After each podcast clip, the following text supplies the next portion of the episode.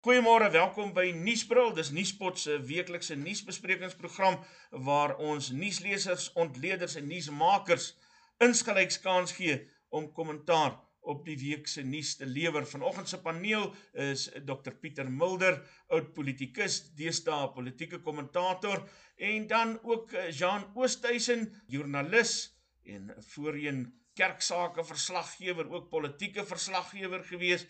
Dan is dit Dani van Wyk, hy is van Vetsas onderwyskenner wat vanoggend ook deel is eh, van ons program. Ons gaan sommer dadelik wegspring. Ek dink die groot nuus vandag en vir die res van die week, die afgelope week was die heropening van die skole. Dani, ek dink ons moet sommer met jou eh, wegspring. Wat is die probleem? Hoekom sukkel eh, die minister, die departement en almal betrokke so daarbey om uiteindelik uiteindelik by 'n finale besluit oor die heropening van die skole te kom? Dit is duidelik dat die onsekerheid wat daar geskep was deur die minister en haar ministerie 'n uh, verskriklike groot chaos en onsekerheid in die onderwyssektor veroorsaak het. Jy sal onthou daar was by verskeie geleenthede was media konferensies uitgestel. Daar was telke male wat daar 'n gesprek getree met belangegroepe of dan nou met rolspelers onder andere die unies en die skoolbeheerliggaam organisasies en was dit duidelik dat die minister nie aandag wou gee aan die voorstelle wat daar gemaak was. Dit was heel duidelik dat die skole nie gereed is op was vir heropening môre die 1 Junie nie. Daar was daar gewys dat daar 'n groot aantal skole nie eens toegang tot water het nie, nog sê uh, toegang tot byvoorbeeld uh, veiligheidsmaatreëls. So wat hier wat hier aangegaan het is dit het ook gewys by die ongelykhede waar daar tans in die onderwys bestaan. Daar is skole wat môre gereed is en môre sal kan open, maar daar is skole wat wat dit wat wat dit definitief nie sal kan doen.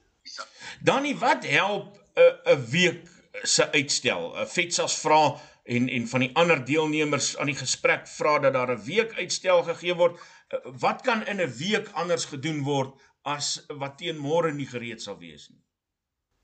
Ek wil nie 'n standpunt namens Vetsas stel nie want Vetsas se standpunt is bekend dat dit 'n week uitgestel word. My persoonlike mening is dat ek glo nie skole is gereed dat leerders selfs na 'n week ontvang kan word. Ek sou sê dit is 'n wetenskaplike bewys dat hierdie virus floreer in koue toestande. Ons is nou besig om 'n winter binne te gaan. Die Europese lande is besig om 'n somer binne te gaan. Met ander woorde, hulle kan gereedelik kerwys hulle skole heropen want dit is want want dit is is is 'n somerseisoen aan die ander kant. Hier by ons hou dit geweldige groot risiko's en kan dit heel moontlik veroorsaak dat die infeksiekoers kan styg indien daar nie gehoor sou gegee word dat uh, die skole uitgestel of die heropening van die skole uitgestel word tot moontlik 1 September nie. Pieter, die saak oor die heropening van die skole, dit het ook maar soos die algemene uh, COVID-19 uh, krisis ook 'n politieke kwessie geword. Isak, ek dink wat die dilemma is as ek eers 'n breë en dan die politiek een maak, Die vraag is iewers moet daar 'n afsnypunt kom waar jy sê ons kan nie meer matriek ordentlik klaarmaak vir jaar nie. En ek weet nie waar is daai afsnypunt nie. Dit sê op verkundiges vir ons sê, uh Jonathan Jansen het al gesê sit die hele jaar daarmee en ek wil nie graag daarmee saamstem nie. Ek dink dit ontwrig 'n hele land as jy een hele jaar se uh, onderwys ver, ver, vermis. So iewers is daar 'n afsnypunt of 1 September te laat is of te vroeg is of 'n week later of nooit, dit sal hulle vir jou sê. Ek dink as jy die politieke oogpunt kyk, is daar die twee benaderings. Die een benadering sê nie een skool mag oopmaak as almal nie oop is nie. Uh en uh, ek ek verskil daarvan en sê jong as 'n skool reg is, moenie die kinders benadeel nie en aan die einde gaan matriek geskryf word. Dit beteken as daar in die Weskaap een skool is wat nou nie reg is nie, mag nie enkele skool in Gauteng of hier by my in Noordwes oopmaak nie omdat een skool dit kan veto. En dit kan 'n dilemma word tot ons so aanhou tot wanneer ook al. So ek is te gunste daarvan as hulle aan die standaarde voldoen. Met ander woorde, is risiko's daar's daar nie absoluut korrek. Uh daar is ook wetenskaplike goed wat sê jong mense is nie so aansteeklik nie, maar hulle kan die oupas en oumas aansteek. So daai vraag het ek nog nie almal beantwoord vir my nie. Maar ek voel wel skuldig oor die matrikulante wat 'n jaar voor dit wat vir die universiteit toe gaan daarna wat beurse moet aansoek doen. Al daai implikasies is baie ingrypend as hulle nie 'n jaar kan klaarmaak nie. So ek is te gunste van dat skole oopmaak wat kan en ander dan bykom so gou as moontlik. Maar ek dink dis tans die politieke verskil. Dat van die vakbonde voel almal vir een een vir almal. As almal nie kan oopmaak nie, moet niemand oopmaak nie. En ek dink dis dalk 'n bietjie onbillik in die lig van die worsteling op die oomblik, ja. Pieter, die rol van die vakbonde, die druk wat hulle uitoefen, hoe groot is dit? Watter rol speel dit in die minister se optrede op die oomblik en ook die van die departement? Wel ek dink dit is 'n baie groot druk in die verlede. Ek het veral het ek in die verlede al gekla daaroor dat ek dink eh, as ek ons onderwys met Zimbabwe vergelyk, weet Zimbabwe is ongelooflik goed nog altyd gewees. En dan probeer ek altyd sê, wat is die verskil tussen ons en Zimbabwe? En ek begin dink dit was die vakbonde en ek kan sekere vakbonde uitsonder, ek wil nie name noem nie, wat letterlik die onderwys lam gelê het al 'n paar keer. Ek onthou as ek nou mag vir die kabinet het praat op 'n stadiumsdag gepraat oor dysfunctional schools. En toe's uh, gesê en ek het gesê meneer, ek het al baie uh, uh, skole gesien wat wat briljante soort van maar ek het nog nooit 'n dysfunctional school gesien. Ek sê dysfunctional principle en dis dit was net die hoe wat 'n verskil maak en dan as jy hom wil aanvat dan keer die vakbond jou en dan as jy in die politiek in. En dis miskien 'n groot probleem. Die vraag is hoe ver hulle regtig die belange van die kind dra ek hoop so. Ek dink die ouers is meer bekommerd op die oomblik in 'n sekere mate oor albei kante is my kind veilig en aan die ander kant kan hy sy jaar voltooi daarmee saam. En ek hoop maar die vakbonde uh dink daaroor. Jy weet daar's alweer navorsing wat wys die mense wat 'n vaste inkomste op die oomblik het, gaan baie ligteliker oor besluite as die wat regtig geen inkomste het nie. En dit is miskien ook 'n faktor wat mense in ag moet neem ook selfs by hierdie besluite. As die staat ons uitskop, is dit tyd vir die gemeenskap om in te skop. Dis nou tyd vir help mekaar. Ons mense kry swaar, salarisse word nie betaal nie, kinders moet gehelp word met skoolwerk. Mense wat nog nooit kosnood gehad het nie, moet nou vra. Die solidariteit beweging krisisfonds is uit die gemeenskap vir die gemeenskap gestig. Meer as 15 miljoen rand is al ingesamel. In die krisis sien ons genade in die wonderlike harte van mense, maar die nood word groter. Gewone mense wat bietjies gee om ander te help. Die solidariteit beweging krisisfonds help mense in nood oor 'n krisis berig na 'n nuwe normaal. Al wat nodig is, is mekaar. Gee saam met duisende ander jou deel by www www.krisisfonds.co.za. Kom ons bil die gemeenskap se spiere. As die regering nie wil help nie, help ons mekaar. www.krisisfonds.co.za. Jean Oosthuizen, jou mening hieroor? Ja, Isak, uh, Dani het hier teen die einde van van sy uh, betoog gesê hy hoop gesonde verstand sal op jou in die CV, maar dit is natuurlik die groot vraag want wat vir die een groep die gesonde verstand is, is vir die volgende groep uh, die verkeerde besluit. Ek dink wat wat hierso opvallend is waarmee ons te doen het is dat hierdie op die oomblik heers daar absolute groot verwarring en dit geld nie net ten opsigte van die skole nie, dit geld ook oor baie ander sake wat ons in hierdie lockdown gesien het. En uh, wat die skole betref, uh, is daar 'n groot verwarring. Bedoel ons sou nou môre begin het met graad 7s en graad 12s. Op hierdie stadium lyk dit vir ons uh onseker of daar hoe genaamd kinders môre sal skool toe gaan. Maar hoe lank gaan ons die skole toe hou en wat van die skole wat reg is, ons kan die skole tog nie vir vir, vir die volgende 18 maande toe hou nie, want ons baie duidelik hierdie virus gaan omtrent nog 18 maande minstens. Uh so ek dink so gou as wat ons die skole kan oopmaak, moet ons dit oopmaak. Wat vir interessant is ook van hierdie hele skole ding is ek net kyk na die sanitasie van die skole. Ons sien oral foto's in die koerante van mense wat skole sanitiseer.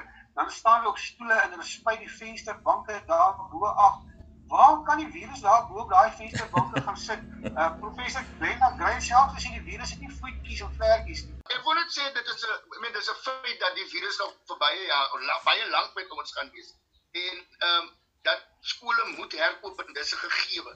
Ek stem saam met Pieter. Ek dink dit is my standpunt ook. Jan ook dat skole wat kan heropen, moet heropen. Ons kan nie die res van die van die van van van die skole in die uh in die land uh wil terughou of almal wil terughou uh, tot tyd en wyl daar dan hoewel een of ander besluit kan geneem word rondom die sanitering en wat ook al van die skool. Die die regering het 26 jaar gehad om om uh, uh, uh, uh, uh, uh, infrastruktuur te verbeter, om water by skole te skry, om skole te te herstel en te heropbou wat hulle nie gedoen het nie. COVID-19 het hierdie swakpunte uitgewys en dit is tyd dat die regering sal moet eienaarskap neem. Ek wil terugkom na jou toe Jean Oosthuizen uh met die volgende onderwerp. En en dit gaan oor die kerke wat uh, geleentheid gegee is om nou in uh, vlak 3 onder sekere beperkende maatreëls besigheid te mag doen om dit nou maar so te stel. Eers net in die algemeen jou kommentaar oor die besluit. Ja, Isak, uh, my kommentaar op hierdie besluit, ek dink dit was 'n uh, dom en 'n uh, irrasionele besluit geweest. Hoekom die regering besluit het kerke kan ewe skielik oopgemaak word, dit weet ek nie want almal van ons weet kerke is een van die grootste broeiplekke vir hierdie virus. Uh dit is een van die brandpunte. Uh ons het gesien in die Vrystaat, ons het gesien in Duitsland, ons het gesien in Frankryk, ook in die VSA. So ek dink daar is geen rede waarom kerke in hierdie stadium moet oopmaak nie. In die eerste plek is dit nie eers 'n gewone kerkdiens wat gaan plaasvind nie. Die mense gaan daarso sit uh 50 in 'n gebou 1,5 meter van mekaar af. Hulle mag nie sing nie daar sal waarskynlik nie dope mag plaasvind of nagmaal nie. Hulle kan nie saam tee of koffie drink na die tyd nie wat eintlik 'n wesenlike deel ook is van 'n erediens. So met ander woorde, dit gaan niks anderster wees as 'n teater waar mense gaan instap en daar gaan 'n ou daar voor staan in 'n monoloog lewer en dan gaan die mense huis toe nie. As dit dan goedgekeur kan word, dan kan jy net so wel die flieks die teaters ook oopmaak. Jy sê nou jy weet nie uh, wat die rede hiervoor is nie, maar kom ons bespiegel 'n bietjie daaroor. Is daar moontlik een of ander politieke druk? Speel kerkleiers 'n sterk genoeg rol om druk op politici te kan plaas? Ek ek aanvaar dat 'n druk van alle kante af oor alle sake en in elk geval die vraag is wie kan die hardste druk? En uh, ek uh, ek weet nie of dit ter sake is maar ek dink is tog 'n bietjie belangrik om te weet. Uh, onthou Tabo Mbeki was 'n redelike uitgesproke ateïs soos ek hom ervaar het of agnostikus as jy wil. Sy vrou was 'n Christen, maar Cyril is 'n Christen. Ja, jy weet sy geskiedenis gaan kyk. Hy was die voorsteur van die Christelike studentevereniging wat hy gestig het op universiteit en by skool en al die goed. Ek dink mense moet dit inreken. Dit kan wees dat hy daaroor meer sensitiwiteit het, maar net maar ek nou baie maklik gesê wat 'n gekheid om die kerk oop te maak, dit maak geen bydrae tot die ekonomie nie hy's tegnies reg, maak geen bydrae aan tegnies op daai manier nie, maar daar is seker hierdie ander dimensie van morele en ondersteuning en al die dinge. Ek dink dit gaan meer oor dubbelstandaarde. Met ander woorde, daar's baie druk op die regering met regulasies druk oor die regulasies wat baie keer so gek en so dubbele standaarde is dat nie sin maak. En ek wil nie sê dat se kultuurargument ook nie, maar onthou nou begrafnisse is baie belangrik veral in die swart wêreld. En van die begin af is die argument mens kan nie 'n begrafnis keer nie, hy moet voortgaan en 50 mense mag 'n begrafnis bywoon selfs oor provinsiale grense. En dis die reëling. En die kerke weet ek het die argument gebruik om te sê maar dis waar die getal 50 uitkom wat nie baie sin maak uit 'n kerkoogpunt nie. Hoekom kan hulle begrafnisse hou maar ons kan nie 'n troue hou nie? Want huwelik mense wil graag voortgaan en dan kon dit net sowel kerk hou ook in 'n geval. En ek dink nie hy kon antwoord of hy bevelsraad kon dit antwoord. Dis 'n dubbele standaard na die kant daai kant op die werksituasie is ons 100 mense, ons sit vers mekaar af in die teks is ons sewe nader aan mekaar, hoe kan ek dit dan keer? Ek dink wat Jan wel reg is is die praktiese implikasies daarvan is nie so maklik nie. Daar's baie grappies wat sê nommer 51 word geduik by die hek en jy kan nie die kerk inkom nie. Hoe gaan jy daai dit prakties doen? Maar dan wil ek dit tog sien in die lig van Ramaphosa se laaste toespraak waar hy so 'n bietjie vir die eerste keer die bal daar aan die ander kant oorgaan het. Gesê die bal is nou oor na julle kant toe en dat hy amper daai benadering wil volg sy ministers verstaan dit nog nie en te sê maar julle doen dit. En ek weet baie kerke het besluit hulle gaan nie voort nie. Uh, my kerk het gesê ons gaan voort op televisie soort van op op internet want ons het nog nie antwoord tot die 50 antwoord daarmee saam nie maar dit is dan net aan die ander kant toe. Uh, so ek ek dink breedweg dubbele standaarde en druk om logies te wees het waarskynlik die deurslag gegee aan die einde maar dit skep baie praktiese probleme vir kerke hoe doen jy dit nou in die praktyk? Verkeersboetes behels meer as 'n klein ongerief met minimale gevolge. Jy kan 'n kriminele rekord kry of probleme teekom as jy jou rybewys of motorlisensie hernie en die metropolisie kan jou by padplakkades lastigval om die boetes te betaal. Fines for you vir minder moeite met verkeersboetes deur hul te monitor en vinnig, wetlik en effektief af te handel sodat jy nie die ongewenste gevolge hoef te dra nie. Ons spesialiseer in groot vlote en streef daarna om jou geld te bespaar. Kontak ons gerus op 011 867 7331 of besoek ons webtuiste by www.finds4u.co.za. Praat van Cyril Pieter, ek wil by jou bly eh, en die manier hoe hy hierdie goed hanteer het was baie interessant om te sien dat hy voorheen dan hy baie duidelik gesê hy en die bevelsraad of die bevelsraad het 'n besluit geneem oor dit en dat Die laaste keer het hy die bevelsraad uitgeneem en daar word nou bespiegel, daar's 'n baie interessante artikel uh, op Daily Maverick oor wie die blame gaan dra na die hele krisis. Want soos ons nou vroeër gesê het hierdie ding is besig om in 'n politieke spel te verander dis baie duidelik. En die politiek binne in die ANC die land se politiek in geheel en elkeen se persoonlike politiek lyk my speel 'n baie groot rol ja dis 'n baie interessante bespiegeling en ons almal raai nou maar ons gaan oor die geskiedenis gaan bepaal die werklikheid is as jy na die geskiedenis gaan kyk van die wêreld dan is dit so dat krisisse leiers maak of breek. Ek het al 'n paar keer die voorbeeld van Churchill gemaak gebruik wat as 'n held uit die Tweede Wêreldoorlog uitgekom het, maar Chamberlain, die Britse eerste minister voor Churchill, is 'n mislukte politikus uit omdat hy verkeerd hanteer het. En sonder twyfel loop alle leiers, dis nou Trump en Boris Johnson en Cyril Ramaphosa dieselfde risiko dat die krisis maak dat jy uiteindelik uitkom slegter daan as beter aan. Vir interessant, 'n bietjie meningsberigs vanoggend gekry, ek weet nie betroubaar hulle is nie, wys dat Cyril nog lyk my meer steun het as wat ek gedink het van mense wat voel hy doen sy bes. My argument was deurlopend in 'n krisistyd soek mense 'n bietjie gesag. Hulle soek 'n bietjie 'n sterk leier wat alleen in beheer is. Uh, dan voel jy gerus die man weet wat hy doen. En ek dink ons het daarmee weggetrek. Aanvanklik was hy tot diep in die 80% die steun van alle mense af. Maar Cyril se styl is 'n demokratiese styl. En of dit nou in 'n krisis kan werk is 'n groot vraag. Ek het in my klasse baie keer oor styl gepraat en gesê as jy 'n gebou brand, kan jy nie demokratiese styl gebruik het te sê kerels die gebou brand kom ons praat 'n bietjie gaan ons sand gebruik of gaan ons water gebruik wat stel julle voor jy skreeu gaan bel die brandweer en jy kry klaar en ek dink die manier wat ander leiers dit doen baie van hulle het net 'n enkele woordvoerder wat alleen praat of die president praat alleen en ons het hierdie hele demokratiese styl en dan kom ek by jou vraag dit kan wees dat dit deel is van sy hele benadering om te sê ek verkies om dit so te doen want ek trek almal in ek gaan nie alleen die blame aan die einde dra nie uh en, en dan kan jy dalk wegkom deur te sê ons is saam die ding. Ek kry byvoorbeeld nie soos mense maklik sê dat die normale verdelings, die Zuma verdeling versus die ander verdeling baie keer van die redes is nie. Rondom hierdie gesondheidsgoed is Mkhize en mevrou Zuma en ek dink wat wat sal hê die van Witland saak aan dieselfde kant terwyl hulle polities nie noodwendig Zuma Ramaphosa verdeling is nie. Wat my laat dink dis dalk ander soort argumente het. Mediese faksie is sterker in die kabinet se ekonomiese faksie voel en dat dit 'n rol speel en sê hulle dalk sterker hier kan uitkom. Veral in sy binnekring, ek aanvaar eis en die sit te wag, hulle maak hulle planne daar buite kan, maar ons sal kyk op die einde. As hier 'n verskriklike gevolge is, dan gaan dit op sy brood gesmeer word, maar as hy kan, kan hy regtig ook sterker dan uitkom. Ek het bevoel te beswaar gehad met sy woordjie bevelsraad. Ek sou nie daai woord gekies het, jy weet 'n bevelsraad gee bevel. Ek diensplig gedoen, 'n bevel is 'n lelike ding. Jy sien nie nie of ja, jy doen net dadelik dit. En daarom was die terminologie nie begin gewees. Bevelsraad het oorlog verklaar teen die virus. Nou wat die mense se afleiding was is ons gaan die virus wen as ons net reg veg. En mevrou minister Zulu trek aan 'n uh, berei plus 'n militêre uniform en maak reëls. Nou praat hy anders. Hy praat nie meer van bevelsraad nie. Ek dink hy's bang vir die hofsaak wat kom dalk daaroor. Uh, ek sou gekies het vir 'n koördinerende raad. Ek dink dit is 'n slimmer manier van woord wat gaan probeer besluit te neem om die virus te beheer. En dit sou baie meer die regte boodskap oorgedra het en dit wys jy die belangrikheid van woorde in die hele ding en die styl. Maar dit kan wees selfs wat die rookverbod betref wat ek dink hy het baie skade gelei om te lyk of hy nie in beheer is nie. Kan dit wees hy daardeur se jong die kabinet of wie ook al het my my geoverrule om Engels te gebruik. Dit is ons besluit en dat hy daaroor toegegee het terwyl van eenheid binne in die party eerder as om nou duis dapper na buite te sê hier staan ek. Die ou storie van Dr. Malan wat voor my tyd was sê hy die kabinet gevra altyd nie. Ek dink dis die probleem.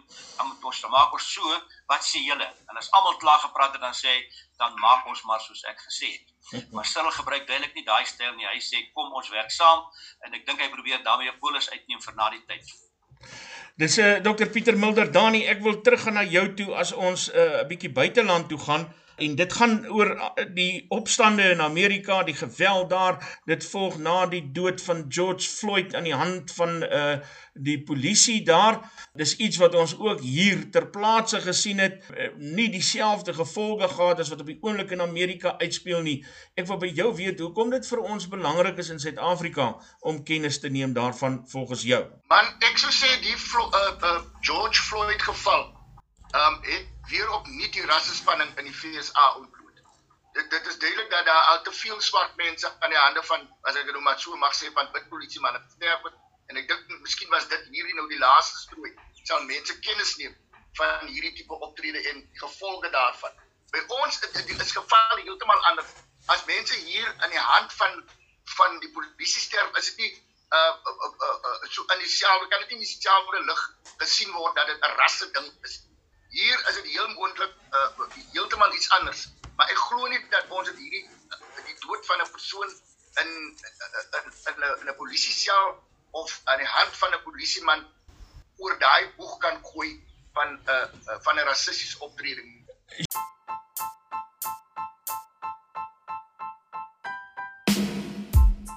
Plaas jou geld sake in die hande van Nandi Erasmus, 'n geregistreerde finansiële deskundige by Sanlam. Haar dienste sluit in omvattende finansiële beplanning, beleggingsbestuur, welvaartskepping, boedelbeplanning, sakeversekering en koopooreenkomste. Bel haar vandag nog vir deskundige finansiële advies by 082 569 1948 of stuur 'n e-pos na nandi@sanlamforyou.co.za. Jan Oosthuys en jou kommentaar daarop? Dit is 'n ding wat uh, al lankal in die VS afkom hierdie hele ding van uh brywing tussen die polisie en die die die swart minderheid in Amerika en hier het ons nou 'n geval gehad wat ons op baie gruisame grafiese manier die hele wêreld kon gesien het hoe daai man deur die polisie vasgedruk word op die grond. Uh en wat toe nou daar gebeur het is 'n uitbarsting van woede. Iemand kan die die die anargie wat nou daar plaasvind goed verklaar nie. Uh maar ek dink 'n mens moet begrip hê vir die frustrasie wat daar onder baie van die mense in Amerika is wat gebeur en dit val natuurlik dit, dit moet alles saam gelees word met die die die die spanning wat op die oomblik ook oral aan die gang is weens die koronavirus daar's mense wat werkloos is daar's mense wat toegehok is en wat groot skade aangerig het en ek, ek dink die les wat ons daaruit moet leer as daar 'n les te leer is dat rasisme sal ons op een of ander manier moet bestry en ons sal moet uh, ons slaag daarvan hoe weet ek nie Maar uh, uh ons sit ook maar hierso met soortgelyke probleme, waarskynlik nie tussen die polisie en die burger self nie, maar uh daar's daar's daar's 'n uh, baie gevare waarna ons moet kyk dat so iets nie gebeur nie. Pieter van 'n uit 'n politieke oogpunt, ehm um, Donald Trump se reaksie daarop word wyd gekritiseer. Hy neem 'n harde standpunt in. Jou kommentaar daarop? Ja, dit is 'n slegte jaar vir al die goed en 'n slegte jaar in terme van die verkiesing in Amerika en dit het sonder effek op alle uitsprake. Het sy of hy oor die virus praat en het sy oor hierdie situasie praat. Nou ek het in Amerika gestudeer en ek moet eerlikwaar sê daai polisie is wille polisie. By ons is dit selfs baie keer ook wild, maar ek meen hulle skiet baie baie maklik. As jy terug onthou die Rodney King geval was op begin van dieselfde goed in Los Angeles waar hulle ook 'n man kwai aangerand het en nie besef het ons in 'n nuwe era is waar daar video's is en nou is daar selfone wat die goed trek uh, op op rekord sit. En dit was 'n reuse ontploffing wat Los Angeles laat brand het vir hoe lank en nou ons 'n herhaling daarvan. En ek dink die ontnugtering in Amerika is daaroor. As jy Martin Luther King en ek het sy toesprake bestudeer het amper 50 jaar terug geveg vir burgerregte in 1964 is hulle Civil Rights Act deur wat dan die die paradys tegnies aangebring het om te sê nou is almal werklik gelyk dit moet nou so werk. En dan telkens die ontnugtering dat lyk my ons het nog nie rasisme afgeskaf nie uh, afgeskat nie uh, geskit nie. En ek dink as hierdie ding doen hy bevestig het nou my uitgangspunt is ongelukkig 'n bietjie negatief en sê ek glo jy sal altyd in alle samelewings rasiste kry Uh die groot vraag is dit moet nie die meerderheidsstandpunt word nie, dit moet nie die uit algemeen nie. Maar uh, maar Malema doen sy bes om dit half die sentrale standpunt te maak solank die rasiste op die kantlyne is, die ekstremistiese standpunte is, maar dit beteken jy sal permanent daarteen moet veg en dit probeer keer eintlik jy gaan nie dink jy gaan net in die hemel kry dat dit nie waar is nie. En dis wat nou na vore kom elke slag en ek het begrip dat swart mense so reageer want dis net brute boelie boelie gedrag wat maak en die man is dood aan die einde. Dis nie ligtelike iets aan die ander kant nie. So eendag het die polisie wat boelie, ons het dit gesien in Alexandra waar die man dood is daar ongeag alles, maar aan die ander kant het jy nog die dimensie by van rasisme wat altyd daar sal wees en wat enige samelewing moet sensitief voor wees en moet hanteer. En dit lyk my die Amerikaners sukkel na 60 jaar nog steeds om dit te kan doen. En dan jy's John? Nee, net een een ding ek wil byvoeg dan kom maar leiers soos Trump en so 'n uh, uh, sensitiewe situasie en dan kom hy met daai tweet en sê die mense moet net onthou as die looting begin dan begin die shooting. Ek bedoel dit is 'n uh, dit is mos 'n baie onverantwoordelike tipe ding. Nou dit is uitsprake soos daai wat net die gevoelens nog verder opjaag So uh, ek is ek is baie bekommerd wat in Amerika gebeur. Goed, kom ons kom terug na plaaslike bodem toe. Dudu Mjeni sê is nou uiteindelik uh, ingevolge hofbeslissing 'n misdadige direkteur. Pieter kommentaar daaroor.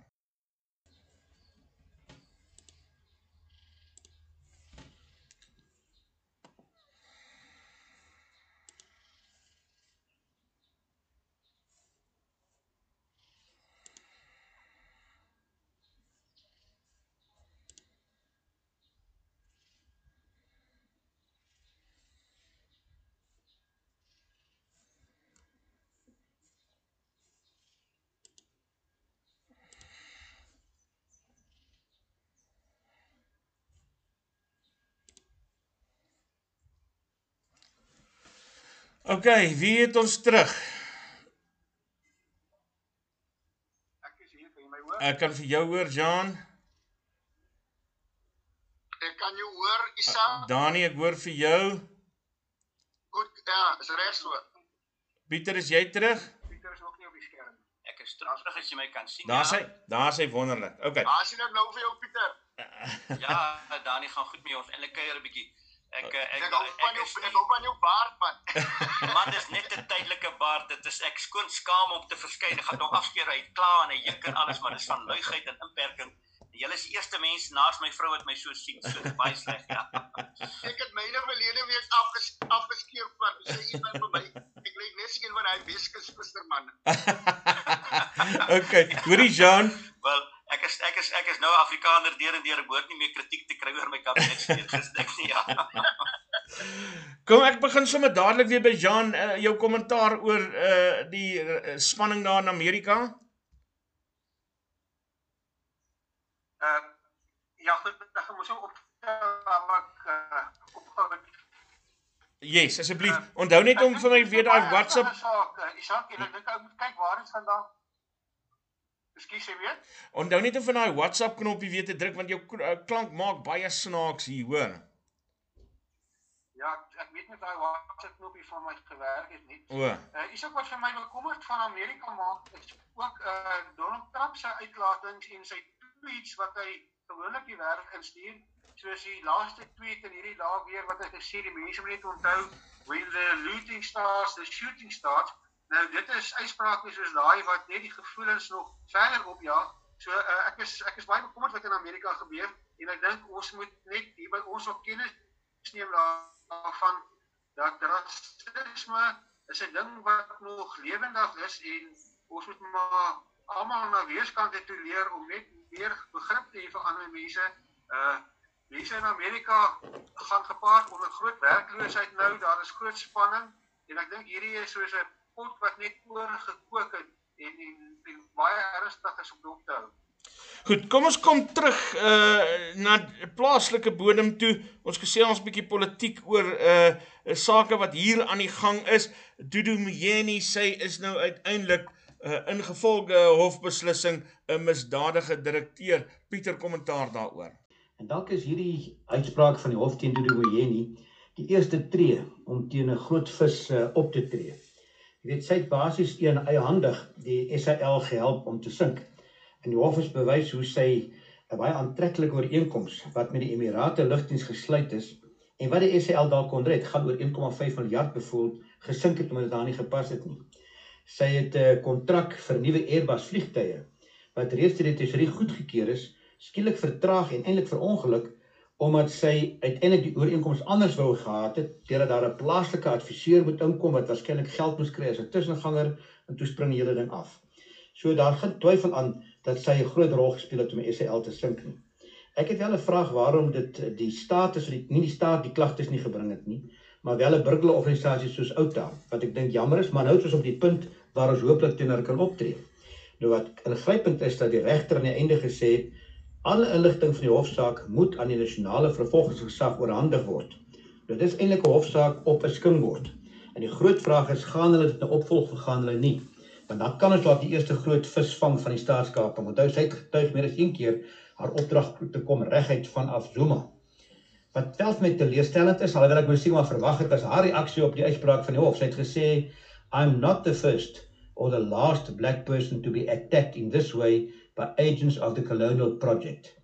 Nou dit is onmiddellik rasisme, rassekaart wat sy gooi, sy gooi koloniale kaart, sy gooi eintlik apartheidskaart. Dit is jammer dat sy so reageer op 'n baie logiese feitelike bevinding teen haar.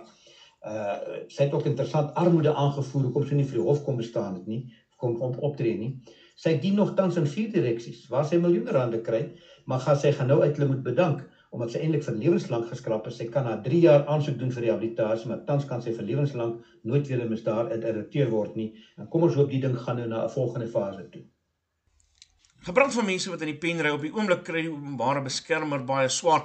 Dis in teenstelling met haar voorganger, uh Tuli Madonsela wat 'n held was in die volk se oë, maar die huidige openbare beskermer is keer op keer in die hof, keer op keer kry sy 'n bloedneus, keer op keer kry sy 'n opstopper, die slag van die konstitusionele hof saam met die EFF. Uh, Pieter, watter boodskap dra hierdie saak vir ons? Ek en my pa het in die ou dae nogal dikwels geargumenteer oor hy sê een persoon op die regte tyd op die regte plek kan 'n groot verskil in die politiek en in die openbare lewe maak. En ek moet slim staatsleer praatjies as student het van verskil en gesê man dis te ingewikkeld, daar's te veel netwerke, te veel plekke van mag en so meer. En ek dink die openbare beskermer het dit bewys, ek praat nou hier van uh, mevrou Pomadoncella. Skielik het ons van haar kennis geneem en sy het 'n groot verskil gemaak in die tyd wat sy daar was. Ek vra dikwels die vraag kan enigiemand vir my sê wie was openbare beskermer voor Madoncella en niemand weet nie. So sy het 'n verskil gemaak en nou sy opgevolg deur Bosiswe Mkhwebane wat totale ander benadering het en skielik is dit 'n ander benadering rondom openbare beskermer en waarskynlik omdat sy uit die Zuma in die EFF denkskool kom. Kyk maar na haar uitsprake rondom die Reservebank, rondom Absa en uitsprake wat tipies van daar af kom en totaal onaanvaarbaar was. Nou het sy weer 'n keer vir die hoeveelste keer in die hof verloor in die grondwet hof nogal. Dit is 'n tegniese uitspraak wat eh uh, tegnies na al kante toe is, maar dit is nie ter sake nie. Dit beteken wel, dis 'n verdere spyker na politieke doodskus. Daar's by my geen twyfel aan nie. Nou onthou die parlement was reeds op pad om haar te skors. Daar moes 'n prosedure kom. Die parlement het weer die prosedure goedgekeur waar volgens daar opgeteken word teen iemand soos openbare beskermer. Ek dink die virus daar gered en vir tyd gegee en eh, dit help aan die regtig nie. Ons sal moet kyk na hierdie uitspraak hoe lank voordat sy regtig nog in daai pos kan bly. Ek dink nie te lank nie as die parlement se ding doen. Solank die DA net nie probeer kleinlike politiek maak en 'n wins vir homself maak nie, dan gaan dit die ANC verdeel. Verkieslik moet die ANC en al die partye saam staan om hierdie probleem op te los. Ons kan nie so aangaan soos dit tans is nie.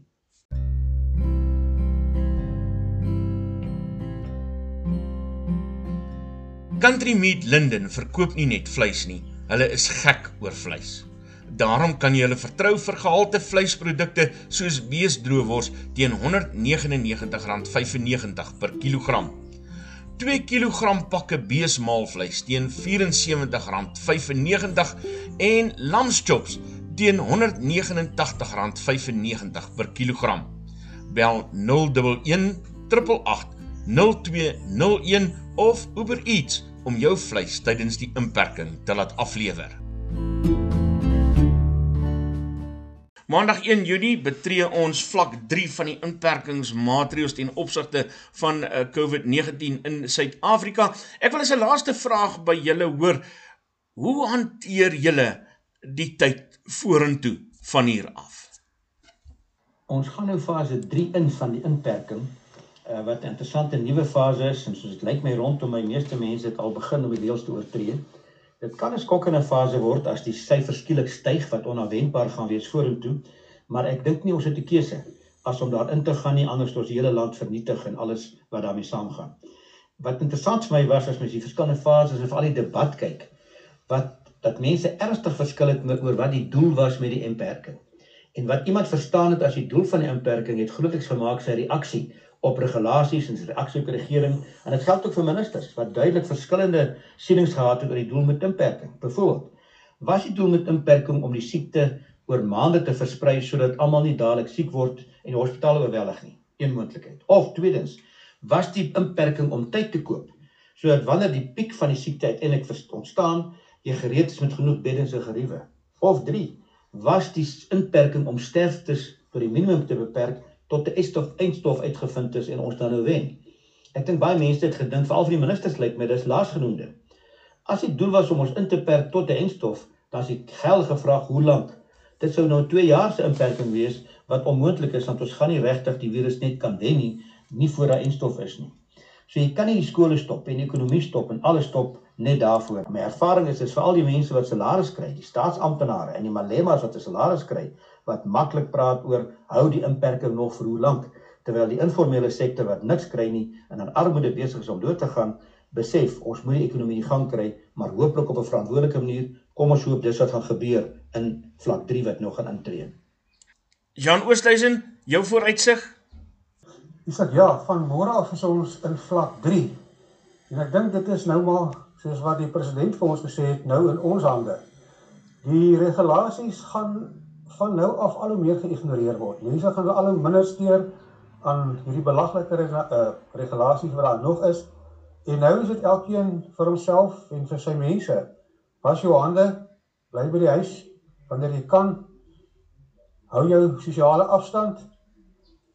Maar ons gaan moet vinnig terugkeer na 'n nuwe normaal toe. En ek dink van môre af gaan ons begin om terug te keer na daai nuwe normaal toe. Baie dankie. Jy het geluister na Dr Pieter Mulder, politieke ontleder, die joernalis Jan Oosthuizen en die onderwyskenner Daniel van Wyk.